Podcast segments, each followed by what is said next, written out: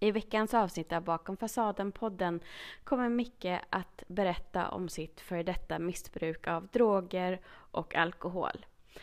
Han beskriver ganska detaljerat sin resa och eh, hur hans liv har sett ut, vilka tankar, känslor och vilka droger han har använt. Och därför vill jag utfärda en triggervarning för dig som helt enkelt inte mår bra eller ska lyssna på det. För dig finns det många andra avsnitt som kan hjälpa dig framåt. Eller kanske vänta in del två där vi kommer mer till hans tankar idag, hans känslor idag och hur han blev nykter.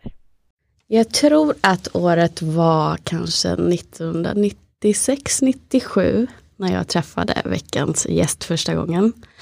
Om jag ska vara ärlig så minns jag inte riktigt ens hur vi träffades. Men jag vet att han blev en väldigt viktig person i mitt liv.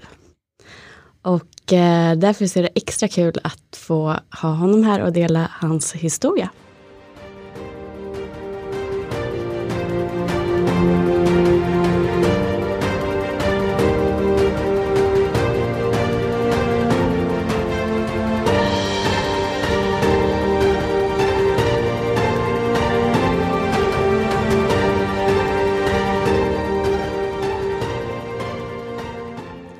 Jag säger varmt välkommen Micke. Tack så mycket. Jag kan säga, det starkaste minnet jag har av dig är två saker. Mm. Ett minne är, eller det är egentligen känslominnen skulle jag kanske säga. Eh, och det ena är att jag alltid kände mig så trygg och beskyddad när vi hängde.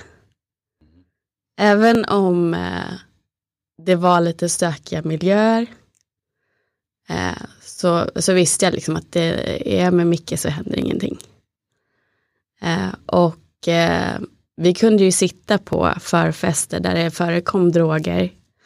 Eh, men det var väldigt tydligt med att eh, det var ingen som skulle ens erbjuda mig. Du visste ju om dels att jag hade föräldrar som absolut hade nolltolerans mot droger och att jag egentligen inte själv heller ville. Även om det kanske fanns något mått av nyfikenhet. Mm. Jag kom ju på väldigt tidigt att jag, tidigt att jag förmodligen hade en beroende personlighet. Så att jag hade ju bestämt mig för att jag inte ville testa. Mm. Men sen så har vi också ett minne som kanske inte är så kul. Eh, och det var när du försvann i några dagar. Um, och jag minns att folk runt omkring var så här, ja men det här händer och han kommer tillbaka och han kanske har tagit eh, svamp eller någonting och eh, han kommer tillbaka, det är ingen fara. Men den här starka oron som jag kände när du var borta var väldigt smärtsam för mig och gjorde att jag senare i livet bestämde mig för att det här vill jag aldrig mer utsätta mig själv för. Och det är väldigt hård mot alla människor jag släppt in i mitt liv, att det fick inte ha någonting med droger att göra. Och eh, blev väldigt, väldigt anti droger över, överlag. Um, och det är jag tacksam för. För det har ju också gjort att det har besparat mig eh, mycket smärta på det sättet. Sen att jag utvecklat ett medberoende ändå till på ett annat sätt, det är en helt annan femma. Men eh, jag är ändå väldigt tacksam för, för det som du har gett mig, både med beskyddandet och eh, ja, det, den lärdomen som du gav mig där. Känns varmt att höra. Hur, hur känner du när vi pratar om tonåren? Ja, men jag var ju väldigt liten och rädd Mikael innerst inne. Om Bamse var världens starkaste björn så var jag nog världens räddaste björn. Skulle jag väl nog tänka mig. Eh, Det är ju väldigt suddigt många av de här åren för mig och just årtalen. Eh, Jag kommer ihåg att jag hade ju eh, i början så var jag ju starkt emot all narkotika själv. I alla dess former. Alkoholen var jag inte så emot men just när det kom till eh, alla andra substanser så var jag väldigt emot och jag kommer ihåg att jag skrämde upp folk när jag gick klasskamrater och sa och hotade att tar ni droger så kommer ni få med mig att göra. Och eh, så här i efterhand när du berättar det som jag inte vetat om egentligen under alla år så tog det ju rakt in i hjärtat såklart att få höra det och jag varit ju väldigt rörd och, och ödmjuk och samtidigt väldigt stolt att jag trots den misären som jag levde i kunde faktiskt hjälpa någon att inte ta det beslutet i slutändan. Så att få höra det så här nu när man är 43 år gammal, det, ju, känns ju väldigt vackert och fint måste jag säga. Mm. Om du ska berätta då för lyssnarna, liksom, hur ser din historia ut? Hur började det egentligen med dig och relationen till droger? Ja, min barndom var ju väldigt fin och vacker. Jag var väl väldigt lyckligt lottad. Jag hade två föräldrar som brydde väldigt mycket om mig. Eh, jag hade en mormor som var en väldigt stor förebild för mig tidigt. Jag föddes på Lidingö och flyttade ut sen till Åkersberga och sen vidare till Tälje och Rydbo. Och jag spenderade väl mina helger nästan varenda helg varje månad mellan ettan och sexan ute på Lidingö hos min mormor. Eh, och jag hade väldigt eh, fin, fina minnen, varmt. Det var väldigt härligt när jag tänker tillbaka på det. Jag hade en väldigt fin eh, uppväxt med mormor. Hon tog med mig överallt, alla museum överallt. Vi var åt Finlandskryssningar. Och, eh, jag hade väldigt mycket kompisar på Lidingö där också. Så det känns väldigt skönt att, att komma till mormor jämt och tryggt. Jag hade ju fått några syskon på vägen där. Vi är ju ganska många i våran familj. Eh, och jag var ju äldst bland eh, våran syskonskara men hade tre bröder också på pappas sida sen innan då, ett annat förhållande. Men de stod oss väldigt nära från början. Men eh, det var väl ganska svårt att vara storebror till fyra yngre systrar. Ganska tidigt kände jag tror jag. Jag fick väl inte kanske den uppmärksamheten som jag ville ha där. Eh, så att större delen som sagt var det var spenderade den ute på Lidingö där mina grannar hade två döttrar från Jugoslavien som jag umgicks väldigt mycket med. Eh, sen hade jag två chilenska kompisar som jag umgicks väldigt mycket med också. Så de barndomsåren där var väldigt fina. Men jag kommer inte ihåg exakt vilken ålder det var. Men vi var väl lite busiga vi också då på den tiden redan där. Men eh, teknologin och sånt fanns ju inte så man var ju ute och, och gjorde saker. Eh, så mina där, mina från, från den tiden var väldigt fina. Det var väl först i, i skolan egentligen då, då någonstans kanske vid fyran, femman där att jag började bli klassens clown ganska tidigt. Jag satt längst bak och höll låda och var väl väldigt osäker och, och rädd då men jag försökte dölja det genom humorn egentligen och försöka vara alla till lags även fast jag avbröt väl många lektioner och läraren fick säga till mig då och det slutade med att jag fick sitta längst fram istället.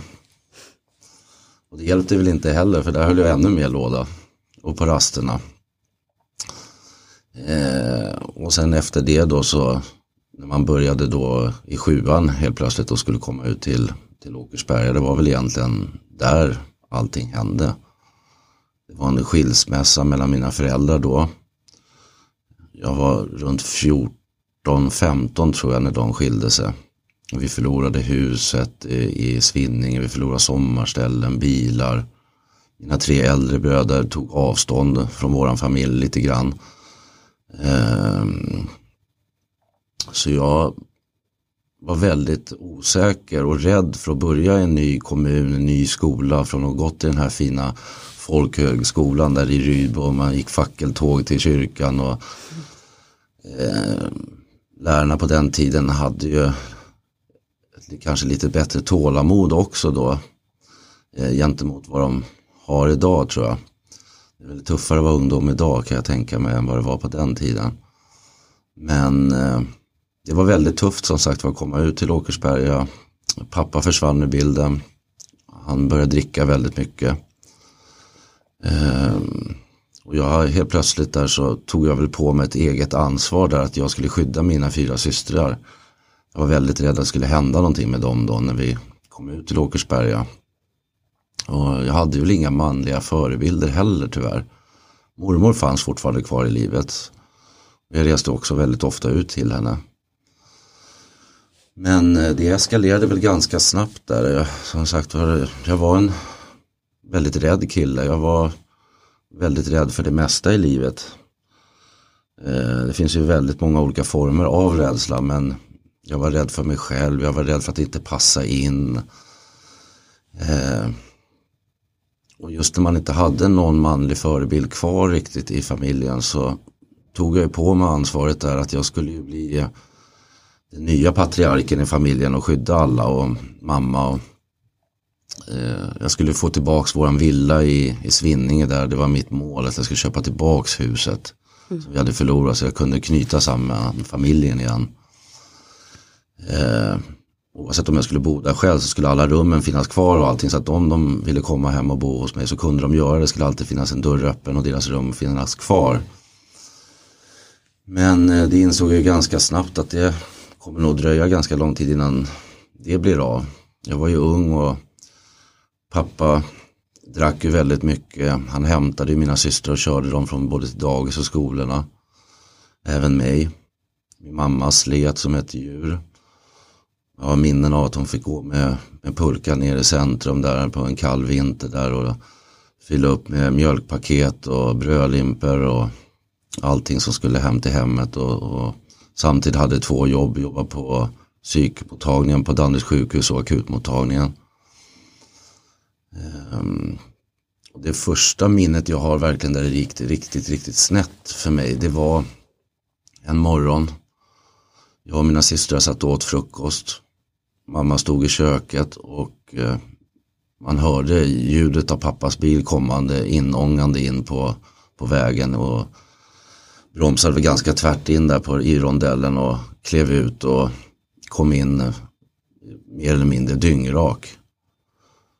Och, eh, min pappa var, han har aldrig lagt ett finger på oss, han var, men han har alltid varit väldigt hård och konkret om saker och ting. Skorna skulle stå på samma plats när han kom hem, maten skulle vara serverad och var det inte det så kunde han bli galen.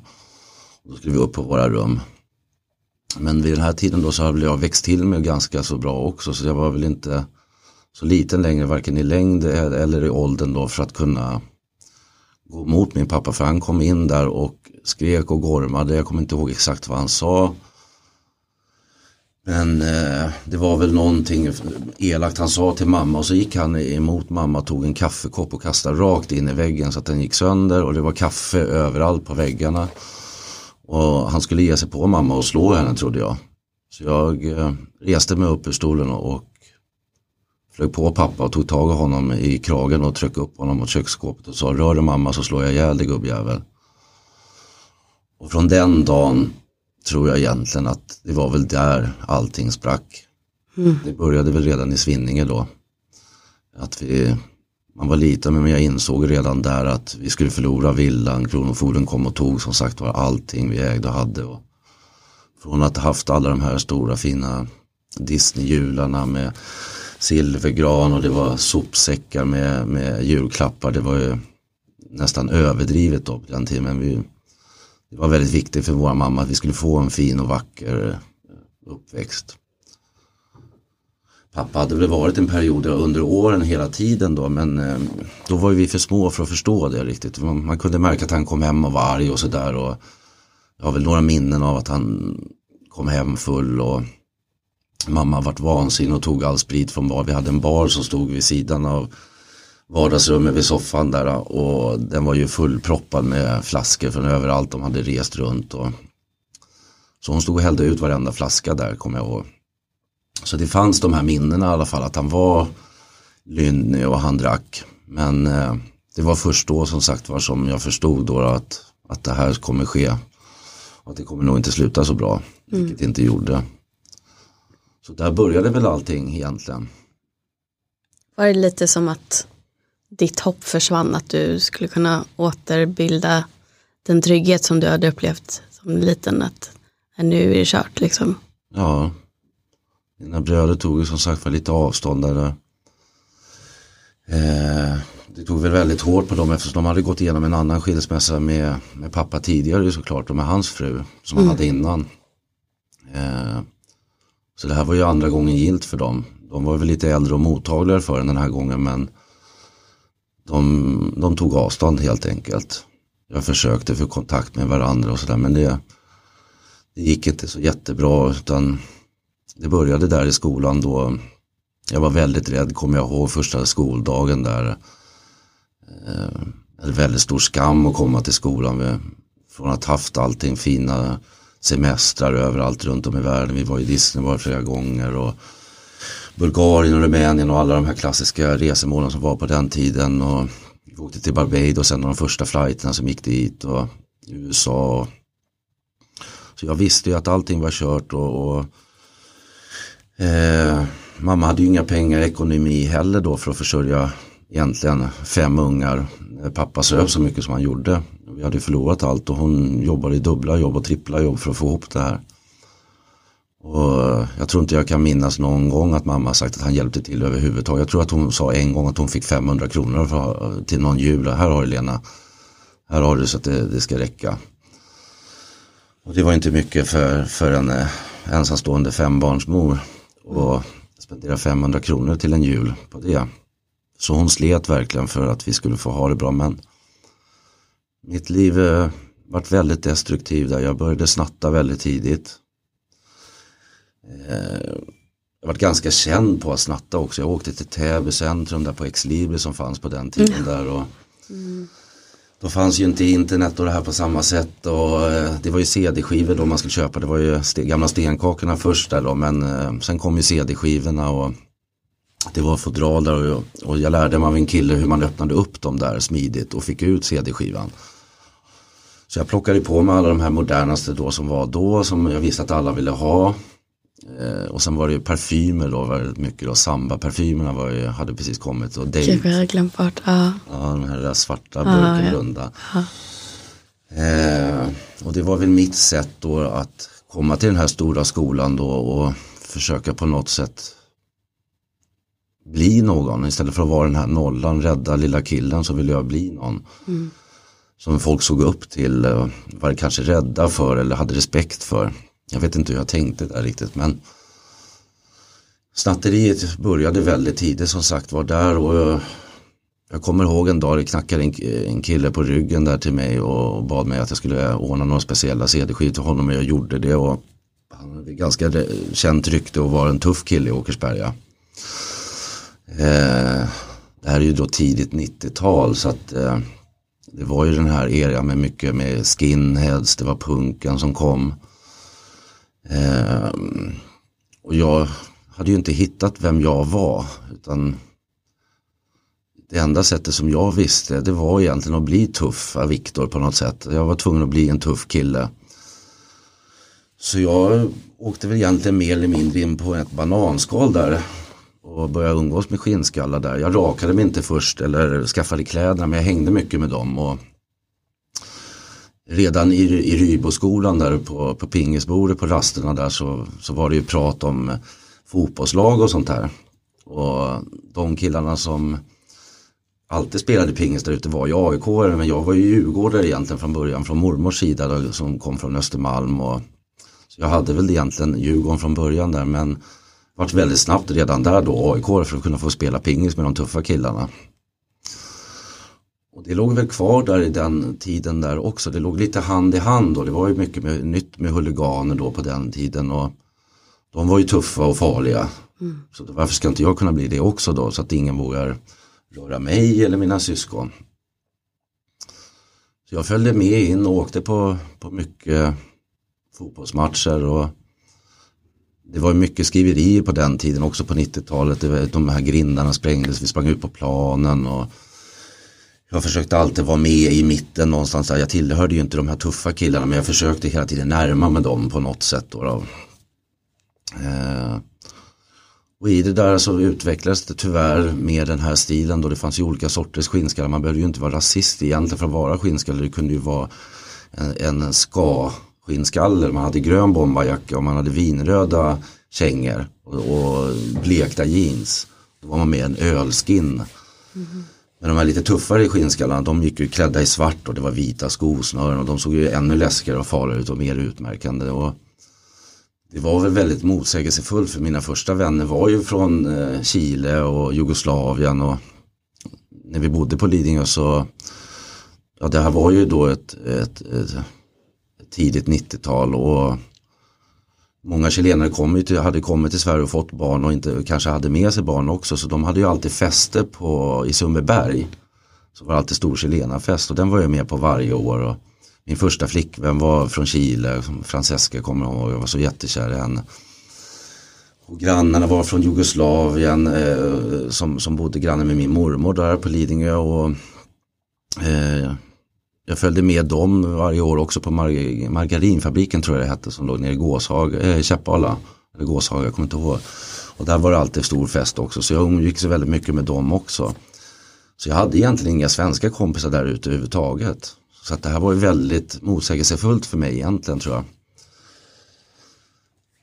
Och det eskalerade väl där också som sagt var då man sprang på matcherna. Jag utmärkte mig mer och mer eh, i skolan. Jag rakade mig till slut och jag började umgås nästan bara med skinnskallarna och vi söp. Och, eh, jag hade ingenting om, med droger, jag visste knappt vad droger var. Man hade hört lite musik och sånt där. Det var ju Kurt Cobain, Rivana och det var Tupac och lite sånt där. Men eftersom jag var med på den sidan där så, så var inte det aktuellt utan det var no någonting väldigt främmande och det var någonting som man inte skulle hålla på med. Men alkoholen var bra, det gick att göra.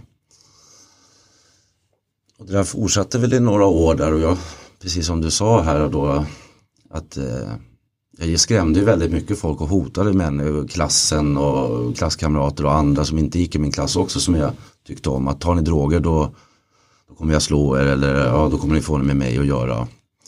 Så det var väldigt viktigt redan där på något sätt att, att hjälpa andra människor men väldigt destruktivt var det ju då. Och man började göra inbrott vid sommarstugor och sånt där runt om i Svinning. Vi gjorde och snodde sprit där och det var ju Lucia-pokalen under den åren där, simhallen, eller ishallen, kommer du ihåg det? Japp, jag blev utkastad för att mm. de joggade på mig med öl. Mm. Där kommer jag ihåg en gång, då hade vi gjort ett inbrott i en sommarstuga och de hade jättemycket sprit. Så vi fyllde ju en hel bag och åkte ner dit ner och ställde oss utanför och började dela ut och bjuda folk på det. Och det var häxblandningar och allt det här möjligt. Eh, men tiden gick och jag skämdes. Vi började, skulle börja gymnasiet och jag märkte att jag vart ju äldre och äldre. och Alla mina gamla klasskamrater från skolan började ta avstånd till mig. Eh, jag kommer ihåg, det kom fram en tjej där som hade betytt väldigt mycket för mig sen jag var för liten i Rybo. Och, vad fan har du på dig Micke? Hur fan kan du se ut så här? Och det tog väldigt hårt på mig. Det tog väldigt, väldigt hårt på mig men jag var inte modig nog att kliva av där ändå. Så det fortsatte några år där man åkte in på AIK-matcher och man åkte runt i stan och efter de här matcherna så var det att man skulle mötas upp på olika adresser och slåss. Och... Gå skogspromenad. Mm. Det var verkligen eh, väldigt, väldigt destruktivt tidigt där och jag kände egentligen någonstans att jag passade ju aldrig in där. Jag var ju en snäll kille egentligen innerst jag, jag var väldigt liten och jag, jag hade ingen ambition att bli någon våldsam egentligen. Men det, det växte det här hatet på grund av min far egentligen tror jag. Att han inte var stark nog att hålla ihop familjen helt enkelt. Jag kommer ihåg jag var väldigt sur på mamma också. Varför tar du inte tillbaks pappa? Varför får inte han komma hit? Och jag insåg ju aldrig att det var väldigt destruktivt för henne att uppfostra oss då. Mm. Och någonstans i det där skedet där på slutet där jag kommer inte ihåg vilket det var. Jag började gymnasiet, det var individuella programmet. Gick jag då, så man fick ju arbeta tre dagar och gå i skolan två dagar. Det passade mig väldigt bra för jag var ju skoltrött. Eh, så jag började jobba, mitt första jobb var på Sturehov som eh, kallskänk eller vad man nu ska kalla det för på den tiden. Det var väl mest att skala potatis och hacka lök och de är väldigt enkla. eh, och någonstans i den här vevan så var det en kille som sa till mig att Nej Micke du får sluta hänga med de här och åka in och slåss och hålla på och bråka hela tiden. Och det här med skinnskallarna, det var inte du. Och... Så han och jag tror nästan att det var sex andra killar tog med mig in till stan. Vi åkte och träffade en eh, stor mörk kille. Vi åkte ut till Farsta. Och jag kommer ihåg att han klättrade upp för några balkonger och knackade på något fönster där och där fick han någonting i handen och kom ner med det där och det var en, en stor bit hasch. Eh, jag vill minnas att det var fem gram precis. Eh, och vi åkte iväg, vi tog den där biten och vi åkte iväg till någon lägenhet, jag kommer inte ihåg vad det var. Eh, och vi satte oss i en soffa där och då tog de fram en petflaska och de började hålla på med, öppna upp någon penna och gjorde hål och satte fast den där och folie och gjorde hål på toppen där och sen så laddade de på den där och blandade det med tobak där. Jag förstod fortfarande knappt vad det var. Jag hade bara sett på film och hört om det egentligen. Och jag kommer ihåg att jag rökte det första blosset. Jag vet inte om jag hade druckit på resan in där men jag kan tänka mig att jag gjorde det. Men jag kommer ihåg att det där första blosset det slog väldigt hårt på mig. Jag var väldigt snurrig och sen så gick jag in på toaletten och satte mig och med huvudet ner och nodda lite grann som man brukar kalla det för. Med, huv med huvudet ner mot knäna och, och satt och vickade fram och tillbaks. Och sen till slut så, så lade det sig lite grann och då kände jag någonting som jag aldrig hade känt eh, gentemot alkoholen. Jag kände så otroligt lugn i kroppen. Alla de här eh, rädslorna bara försvann helt enkelt. Och äh, jag tror sedan den dagen där jag rökte det blåset där, då började jag bara umgås med de som, som rökte egentligen och tog droger. Så det var där det började helt enkelt. Det var det där jag var rädd för, att känna någonting positivt. Det var därför jag inte ville testa överhuvudtaget, för att jag kände att jag kommer ju känna mitt i mitt kaos i den åldern, så var ju det någonting jag egentligen ville känna, men inte på det sättet. Så jag kan verkligen förstå ändå i ditt kaos att du hittade liksom hem på, på ett, sätt som Alltså där fick ju du ändå det som du behövde även om det var på ett dåligt sätt så att säga. Ja. Um, nu när jag kommit lite längre i min utveckling idag som 43-åring så har jag läst mycket och lärt mig mycket och vad jag har förstått så föddes jag med ganska låga dopaminvärden. Okej. Eh, och det brukar man oftast göra om man har någon släkting som har varit alkoholist eller narkoman i något av leden. Och i det här fallet då så var det min far. Eh, min farfar drack också väldigt mycket men jag tror inte det fanns, min pappa var ju född 37 och farfar vet jag inte när han var född men 37 så fanns det inte mycket droger i Sverige överhuvudtaget.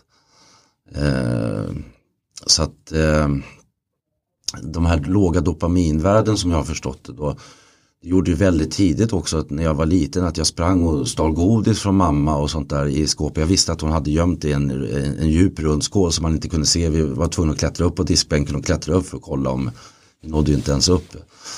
Och där började jag stjäla och, och gömde under kudden och eh, jag drack eh, gurkspat och eh, inlagda sillen där jag gillade att drack spat och ci, eh, citron och allting som gav en effekt. Mm. Eh, jagade jag väldigt tidigt. Men det här var ingenting som jag har fått lära mig förrän de senare åren. Och det var likadant när jag tog min första alkohol, där min första öl. Jag kommer inte heller riktigt ihåg hur och var när det var. Men då kommer jag också ihåg just det här välbehaget. Men fortfarande så fanns det väldigt eh, ett väldigt hat emot det då just på grund av att min pappa var alkoholist. Och jag visste att han drack för mycket. Eh, så att när jag rökte då den här jointen istället för att dricka alkoholen där jag varit väldigt mörk och destruktiv så vart jag helt plötsligt den här glada fina Micke som jag hade alltid trott att jag skulle vara eller ville vara. Mm. Eh, så att det gjorde ju mig till en bättre människa tänkte jag redan då. Jag ville ju bli jultomten, jag ville ju bara vara snäll och glad och, och hjälpa andra egentligen. Men Lika väl som det så ledde ju det till ett missbruk väldigt snabbt också. Jag vart ju hooked på den direkt och ville inte dricka nästan alkohol överhuvudtaget utan alkoholen drack jag då när man skulle gå ut och festa, man skulle gå till fregatten och Mm. eh, kölsvinen som kom i Åkersberga och de här nattklubbarna som vi hade då i lilla förorten. Eh, så att eh, och där i den tiden där så kommer ju en ny epok i Sverige. Då kommer ju den här nya ravekulturen in i bilden. Ja. Som många minns. Det var Docklands och Kolingsborg och alla de här skogsfester och sånt där. Och där åkte jag också med några andra vänner som just höll på med den stilen då och åkte min. Jag hade väl inte varit någon som riktigt gillade att dansa och sådär men jag kommer ihåg att när jag tog första gången en ecstasy det var ju det var ju som en orgasm och världens eh, underbaraste känsla där. Man försvann ju helt eh, i sin egen lilla värld men, men ändå ganska medvetande. Man, det var färger och allting lös. Jag kommer ihåg träd och, och buskar det kunde lysa och det rörde sig saker och ting. Det fanns den här kommer den runda spiraltrappan som fanns på fregatten. Ja. Som många ramlade i och gick upp och den hade utskurna mönster i. Och när man tog extasin där då levde ju allt det här. Det var ju levande, det pratade ju med en. Gud vad läskigt. Det var inte läskigt, jag tyckte inte det var läskigt utan det var mer, ja det var väldigt eh, erofi, det var en väldigt mm. fin känsla jag fick av det här. Och det eskalerade ju också då i nya eh, psykedeliska droger, började äta svamp, toppslättsskivlingar som man folk gick och plockade i kohagar eller på kyrkogårdar, de växte ju överallt och visste man hur de såg ut så kunde du gå och plocka dem själv. Jag vill minnas att ungefär att det var runt 60 stycken man behövde ta ungefär för att få ett rus. Då, då. Mm. Så det började med det där också. Sen kom ju Microdots, det kom Jubileus Hoffman som var någon slags LSD, sådana här klisterlappar med roliga bilder och märken på som man bara satt och sög, satte på tungan eller under tungan och, och, och sög på tills pappret vittrades bort egentligen i munnen. Den var väl lite mer starkare än vad ecstasin var då. då. Den gjorde ju ännu mera sinnesförändringar och man kunde helt plötsligt eh, se saker som man inte sett. Och människors ansikten kunde förvandlas och ändra sig till någonting helt annat. Jag tycker det verkar så otroligt läskigt. Men eh, ja. Ja, det var väl det var ju väldigt eh, läskigt. Många gånger så var det väl det där eh, vi försökte ju skapa egna eh, seanser, vad jag ska kalla det för. Vi, vi, tog en stor skål och fyllde med diskmedel och färgade vattnet. Så att det, och sen satte vi massa värmeljus i den där och det var filtar runt den här och så kunde vi ta en e- ecstasy och så satte vi oss runt allihopa eller microdot eller vad vi nu tog då, då och så tog man folie och satte runt eh, värmeljus och sånt där i hörnerna och släckte ner lite grann och då var det skuggspel och sånt där och du kunde se riddare på hästar och alltså, gud vad jag känner, alltså, alltså jag var så otroligt skyddad inser jag. Även om jag umgicks med er då. För jag kommer ihåg att jag kommit hem till en av våra gemensamma vänner och jag sett det här liksom, men jag fattade inte vad det var till för. nu, nu liksom expanderar hela min verklighet på ett annat sätt. Jaha, var det det ni gjorde?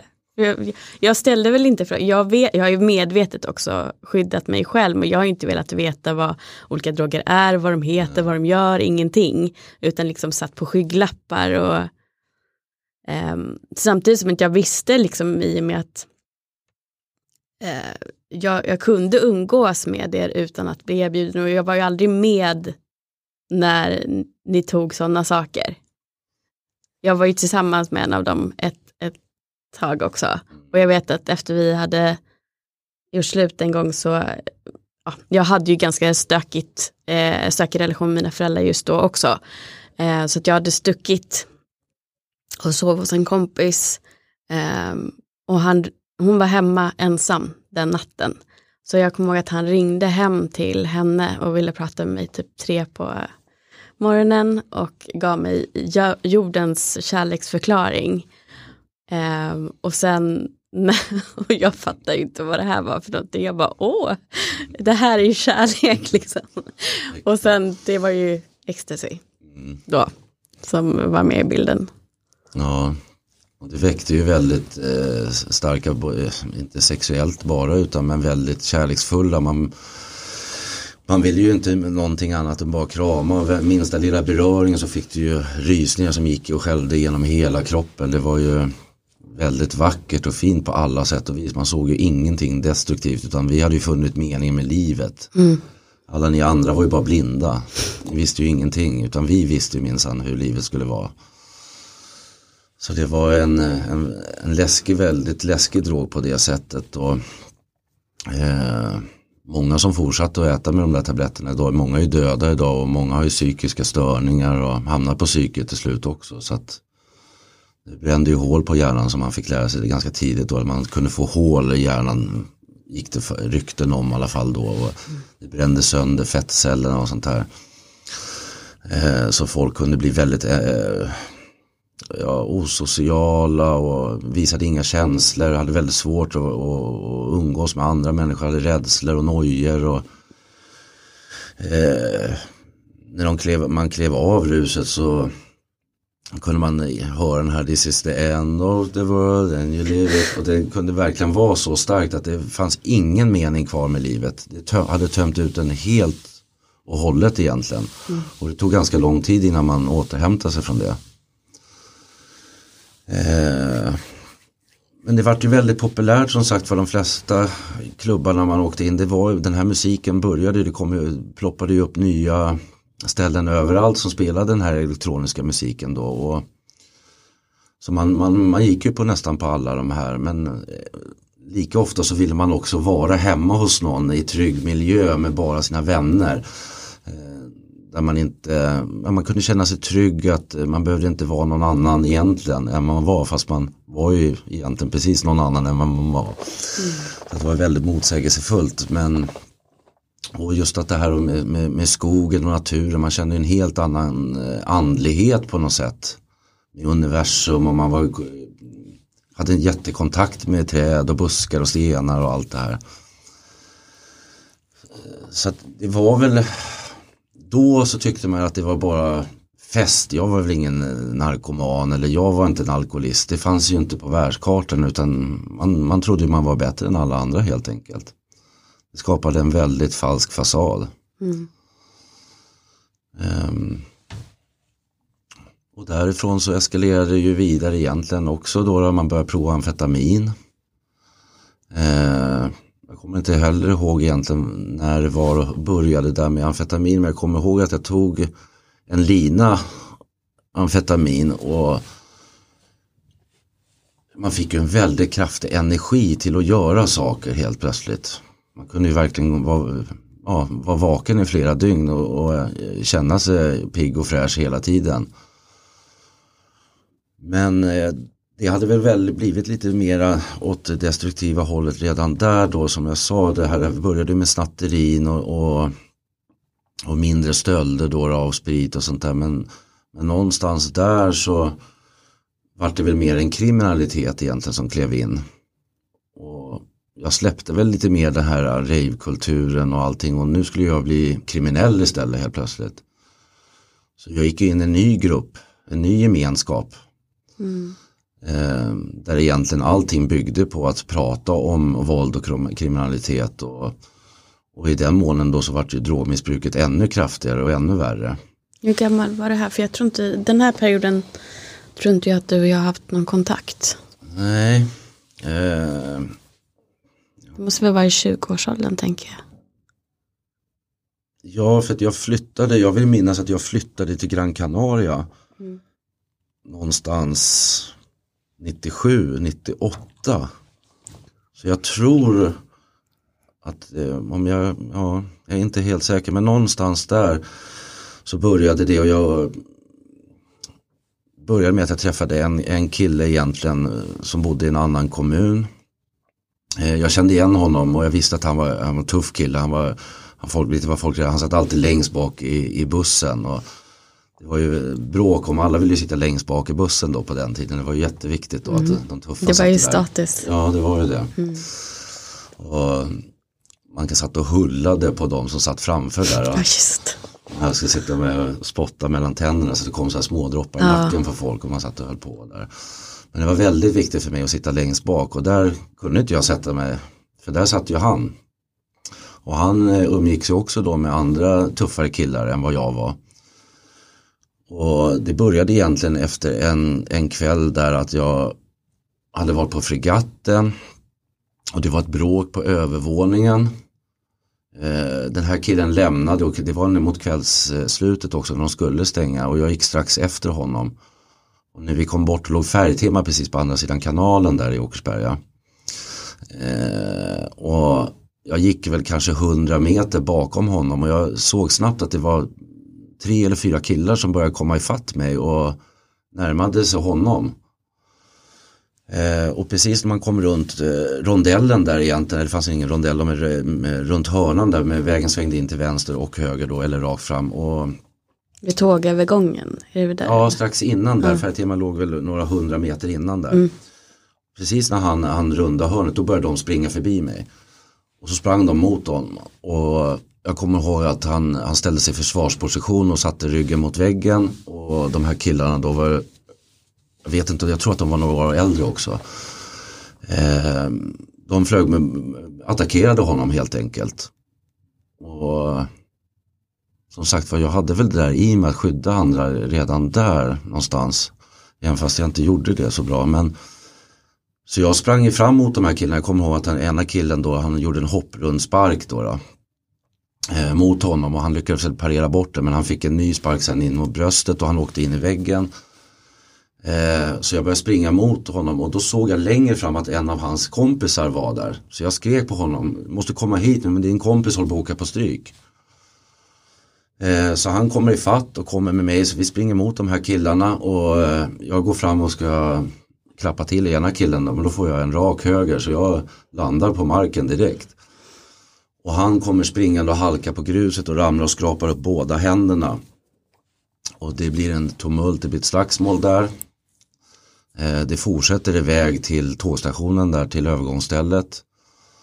Eh, och där tog de upp, och jag, då hade jag hunnit komma fatt dem också, så tog vi upp stenar och började kasta mot dem då.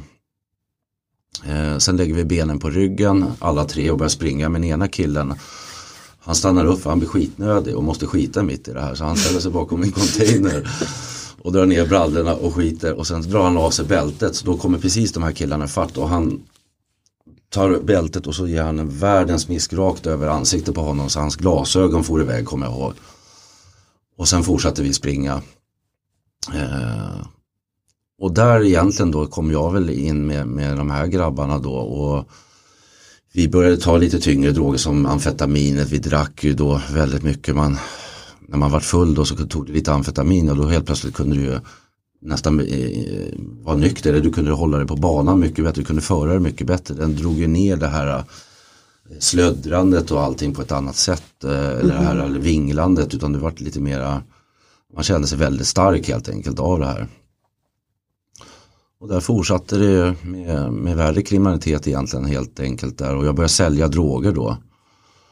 Eh, det kommer också väldigt klart ihåg tydligt att jag åkte in till stan och hämtade en, en femma hash. Och på den tiden kostade den 300 kronor. Och jag kom ut med den till Åkersberga och då var det en kille som sa att eh, han ville köpa hela den. Så han köpte det hela den av mig och tänkte ja men okej han får ta den och så åka in och hämta en ny då. Så han betalade mig 500 kronor och så tog han den här nej 300 kronor så tog han den här femman så gjorde han fem streck på den och så delade han upp den i fem bitar. Så la han tre bitar i en tändsticksask och sen två stycken i, bitar i fickan. Och sa han de här två är till mig, de andra ska jag sälja så jag får tillbaka pengarna. Och där händer det ju någonting i min hjärna att okej, okay, nu kan jag börja tjäna pengar och få mitt missbruk gratis. Så då åkte jag in och hämtade mer och mer och mer och större och större mängder hela tiden. Då delade upp själv och portionerade ut och i påsar där jag sålde det här och egentligen bara för att finansiera mitt eget missbruk. Och även till andra saker då, man skulle kunna gå ut och äta i centrum och, och köpa tidningar och allt det här. Då. Eh, så att eh, det eskalerade väldigt snabbt. Gjorde det. Sen eh, i den här misären där så kommer jag ihåg att min mamma sa att nej men nu måste du faktiskt skaffa ett jobb. Och då tog vi ett jobb ute i Arninge på en ställe som hette Kaffe Ubåten. Som hade catering och lunchbuffé. Så jag började jobba där inne som diskare. Och sen tog jag in en annan en kamrat in dit. Så han började jobba där och sen växlade vi lite grann däremellan. Och var lite andra människor som kom och jobbade där också. Och någonstans där efter vi hade jobbat en tid där så eh, hade min eh, kompis då som vi arbetade där, hans mamma hade hittat en annons i tidningen där det stod att de sökte personal för utlandsarbete för att jobba med turism. Så jag och han och en annan kompis vi åkte in på ett möte inne i stan. Eh, och jag kommer ihåg det satt ganska väldigt mycket folk där inne. Det var, det var, det var ganska tätt eh, med människor och i unga åldrar också dessutom. Eh, så var det en föreläsare där. han berättade lite kort om det här jobbet och efteråt när han var klar så fick vi fylla i ett A4 med varför vi ville jobba för dem och lite sådär. Så vi fyllde i det där och efter vi hade lämnat in lappen där så tog det väl en kvart eller någonting så kom han ut och sa att eh, ni tre kan åka hem och packa era resväskor för ni får jobbet. Vi betalar för flygbiljetten och en månaders gratis bostad. Så på den vägen eh, blev det då att jag flyttade utomlands för första gången i mitt liv. Mm. Och sen fortsatte jag min karriär egentligen mer eller mindre utomlands. Då jag, jag bodde väl i fem år eller fyra år på Gran Canaria. Och där vart ju nästan första dagen introducerad i, i den nya drogen som skulle komma in och det var ju Mr Kokain. Den kom in redan första kvällen. Eh, och den var ju lite dyrare, det var ju mer en lyxdrog, det var någonting som man hade väl hört och mer eller mindre egentligen bara sett i Hollywood att det fanns, att kändisar gjorde. Mm. Men eh, den låg ju hand i hand med just med mitt yrke då, då och, och sälja och, och vara framgångsrik där och vara pushig och på allt det här.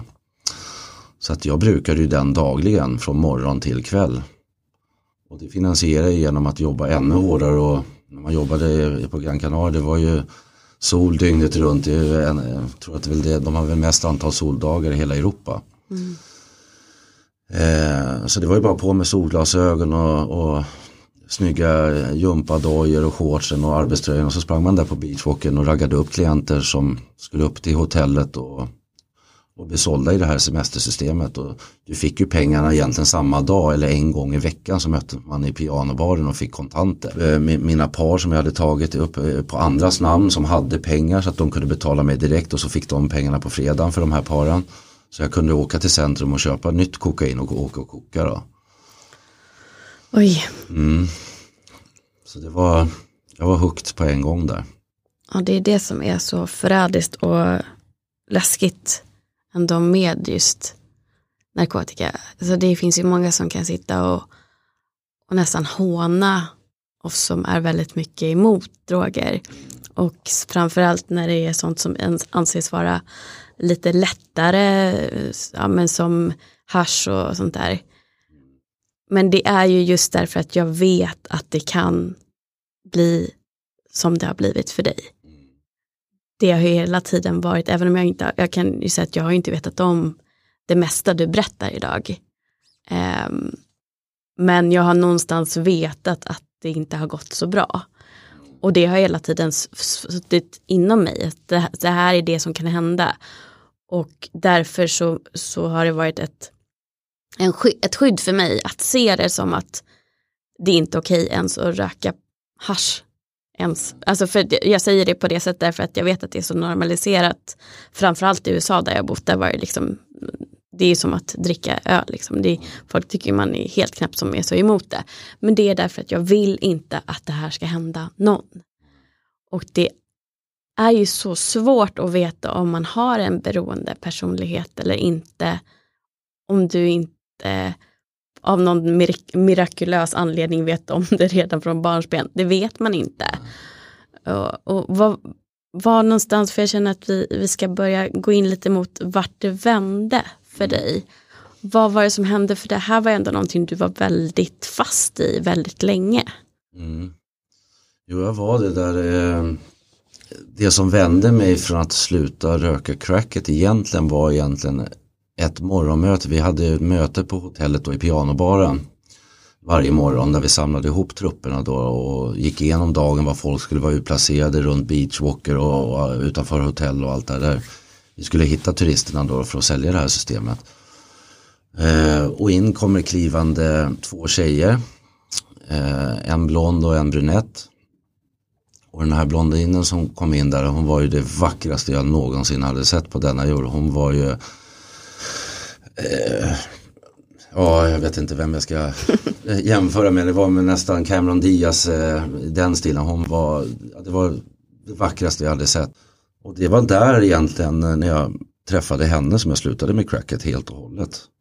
Jag fick en ny kärlek till henne. Eh, men jag slutade inte med de andra drogerna, det fortsatte. Så dricka alkohol och, och snorta och röka. Och hon hade ingenting emot det heller. Hon hade ju sett samma sak utomlands själv också. Men hon gjorde ingenting av det. Hon drack väldigt mycket. Eh, så hon åkte till sjukhus och opererades just för det här då. Och vi polade väl ett, ett tag till där. Sen tog det ganska snabbt slut också. Och där fortsatte egentligen mitt missbruk egentligen en längre tid där. Så att det, det är ju ett långt tidsförlopp det här. För jag hamnade i fängelse två gånger där. Under de åren. Och eh, sen 2006 så flyttade jag igen utomlands. Eh, och då flyttade jag till Portugal. Jag var framgångsrik där. Missbruket följde med mig dit. Eh, och där fanns det ju väldigt, gick väldigt snabbt där också. Slutade där. Och sen åkte jag till Thailand. Öppnade upp ett företag där som hade med försäljning. Där fortsatte drogerna hela tiden.